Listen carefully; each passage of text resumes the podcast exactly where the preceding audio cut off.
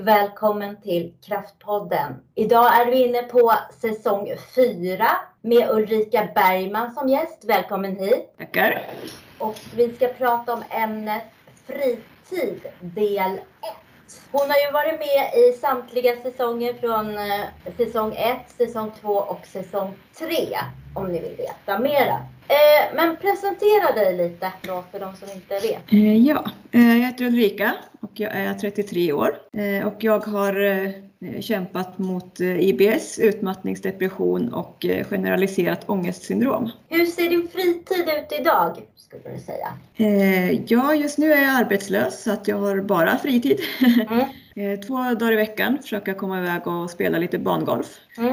Eh, För att träffa lite folk och, och komma ut lite och bara ha något att göra. Mm. Vad trevligt! Ja. Jätteroligt! Eh, har du upplevt att din nedsättning har påverkat ditt val och möjlighet till fritid? Berätta om du inte har det eller om du har det. Eller? Eh, Ja, förr höll jag alltid på med hästar.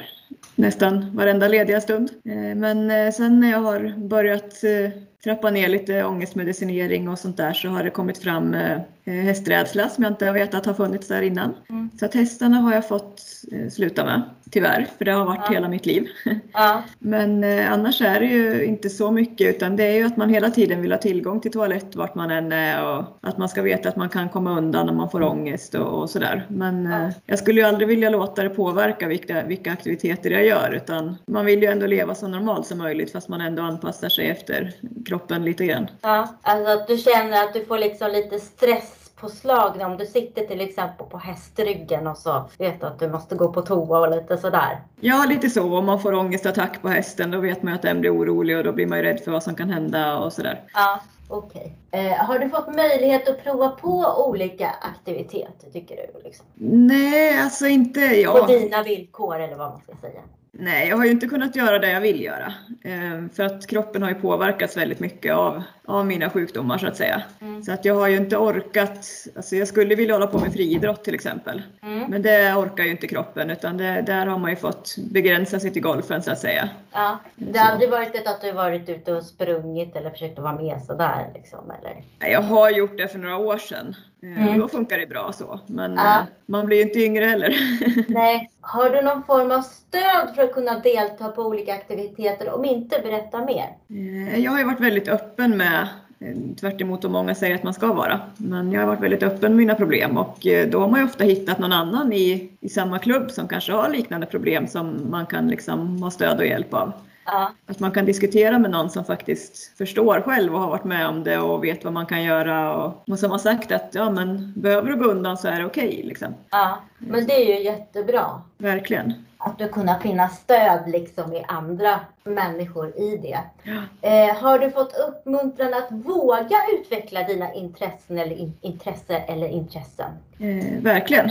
Eh, hela golfklubben är på med att jag ska börja tävla eh, och komma ut och, och representera klubben och det, är ju, det blir man ju hedrad av. Eh, Ja, men det är mycket tecken på att det går bra så att säga. Absolut, men det är mycket tankar här. Vad händer om man är på borta tävling och man får ångest eller man blir dålig eller någonting. Ja. Det är mycket sånt som spökar. Men du måste ju ändå känna så här, fan vad roligt att de tycker att jag är bra liksom. Ja, det är jättekul. Ja. Och jag började ju förra sommaren så att det har gått framåt fort. Oj då, ja, det var snabbt jobbat ju. När Ja. de då vill att du redan ska ut och tävla. Och... Har din fritid förändrat dig som person nu? Till exempel det här med på med. sen. Eller är det, säger jag bara barngolf, det kanske inte var det. Förlåt. Jo då, stämmer.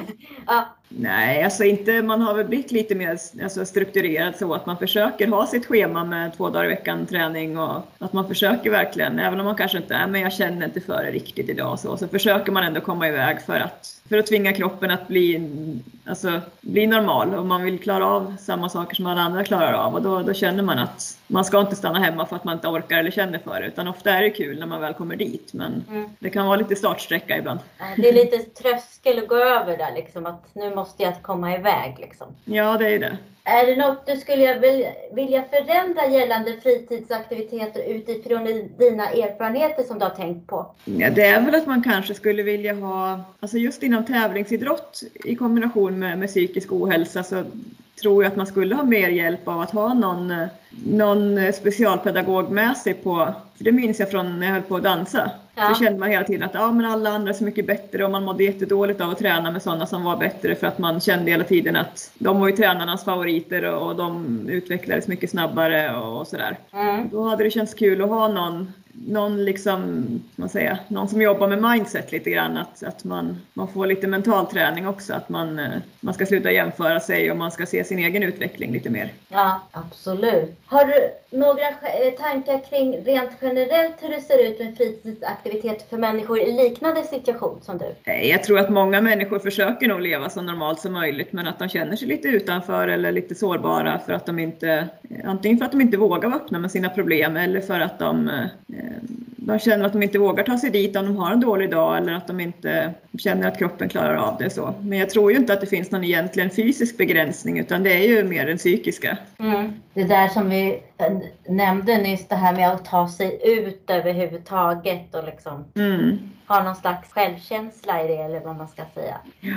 Och det var en stor framgång nu när han, det var ju någon OS-idrottare inom friidrott nu som gick ut och sa på TV att han har kämpat med, med psykisk ohälsa hela, hela sommaren här och det har ju varit otroligt starkt av honom att gå ut och säga det tycker jag. Ja, verkligen. Och sen den här nu ska vi inte gå in för mycket på det, men du vet Nej. den där gymnasten också, vad hette ja. hon? Simone Biles va? Just det. Mm. Hon höll, gick ju också, hon avbröt ju tävlingen för det. Liksom. Mm. Och det bevisar ju också att man kan komma igen och att man klarar av allting om man bara, ja. om man bara har ett mål och, och verkligen kämpar för det och vill framåt. Ja, absolut. Eh, är det någonting i övrigt du skulle vilja tillägga så här? Nej, men det är väl att man inte får... Eh, vill man någonting så får man inte låta kroppen bestämma för mycket. Alltså, har man fysiska problem så måste man ju förstås lyssna på kroppen, men det här psykiska tror jag är jätteviktigt att man eh, kommer över för att eh, både för att stärka sig själv och sen för att må bra. För att man mår ju inte bra om man känner att man låter en ångest trycka ner en eller man skulle vilja göra någonting men man låter bli av ren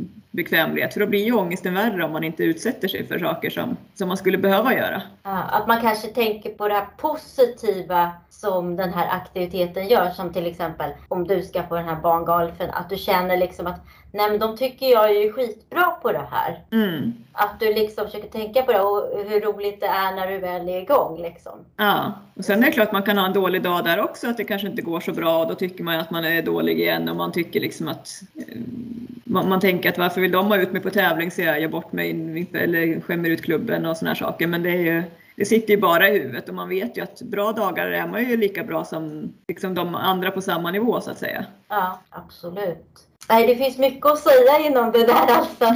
Eh, med att peppa sig och gå till saker och ja, absolut. Någonting annat du skulle vilja säga? Det är väl att man försöker hålla sina, sina rutiner. Liksom att, eh, om, om man har psykisk ohälsa och dessutom slarvar med mat eller sömn eller sådär så, så tror jag att problemen ökar. Ja. Och sen får man inte vara rädd att prova nya vägar. Alltså, man kanske aldrig har provat eh, alltså mindfulness eller sånt förut och, och, det, är inte, alltså det passar inte alla och det, det kanske inte funkar för alla heller. Men alltså, jag tror inte man ska vara rädd för att prova nya saker för rätt som det är så hittar man något som passar och då, då kan man ha otrolig nytta av det. Mm, absolut. Men om du inte har något ytterligare att tillägga, har du det? Nej. Eh, så säger jag tack så mycket Ulrika Bergman för att du vill dela med dig av dina tankar och erfarenheter. Tack. Hej och välkommen till Kraftpoddens summering av ämnet fritid del 1 med Ulrika Bergman som gäst 21 augusti 2021. I dagens avsnitt berättar Ulrika att hennes nedsättning påverkar henne på det sättet att hon i vissa sammanhang känner en viss oro då hon är ute på aktiviteter. I dagsläget håller hon på med bangolf för att komma ut och träffa folk och det går så pass bra att de vill att hon ska börja tävla och representera klubben. Hon tycker att det är viktigt att man vågar ta sig ut och prova på nya saker trots att man kanske kan känna en viss motstånd och att man försöker ha rutiner. Utifrån sina erfarenheter så tycker Ulrika att det skulle vara bra om det fanns coacher som håller på med mindsetting för att hon eller andra människor som är i liknande situation som hon själv ska bli stöttade i sina aktiviteter. Tusen tack Ulrika Bergman för att du ville dela med dig av dina tankar och erfarenheter. Hoppas ni som lyssnat har kunnat ta till er av Ulrika Ulrikas historia. För det har vi, Erika Nordström och Tapio Aho. Om ni eller någon annan känner vill dela mer av era tankar och erfarenheter i detta ideella men viktiga projekt, skriv till kraftpodden outlook.com. Följ oss även på Facebook eller Instagram. Tack för att ni har lyssnat.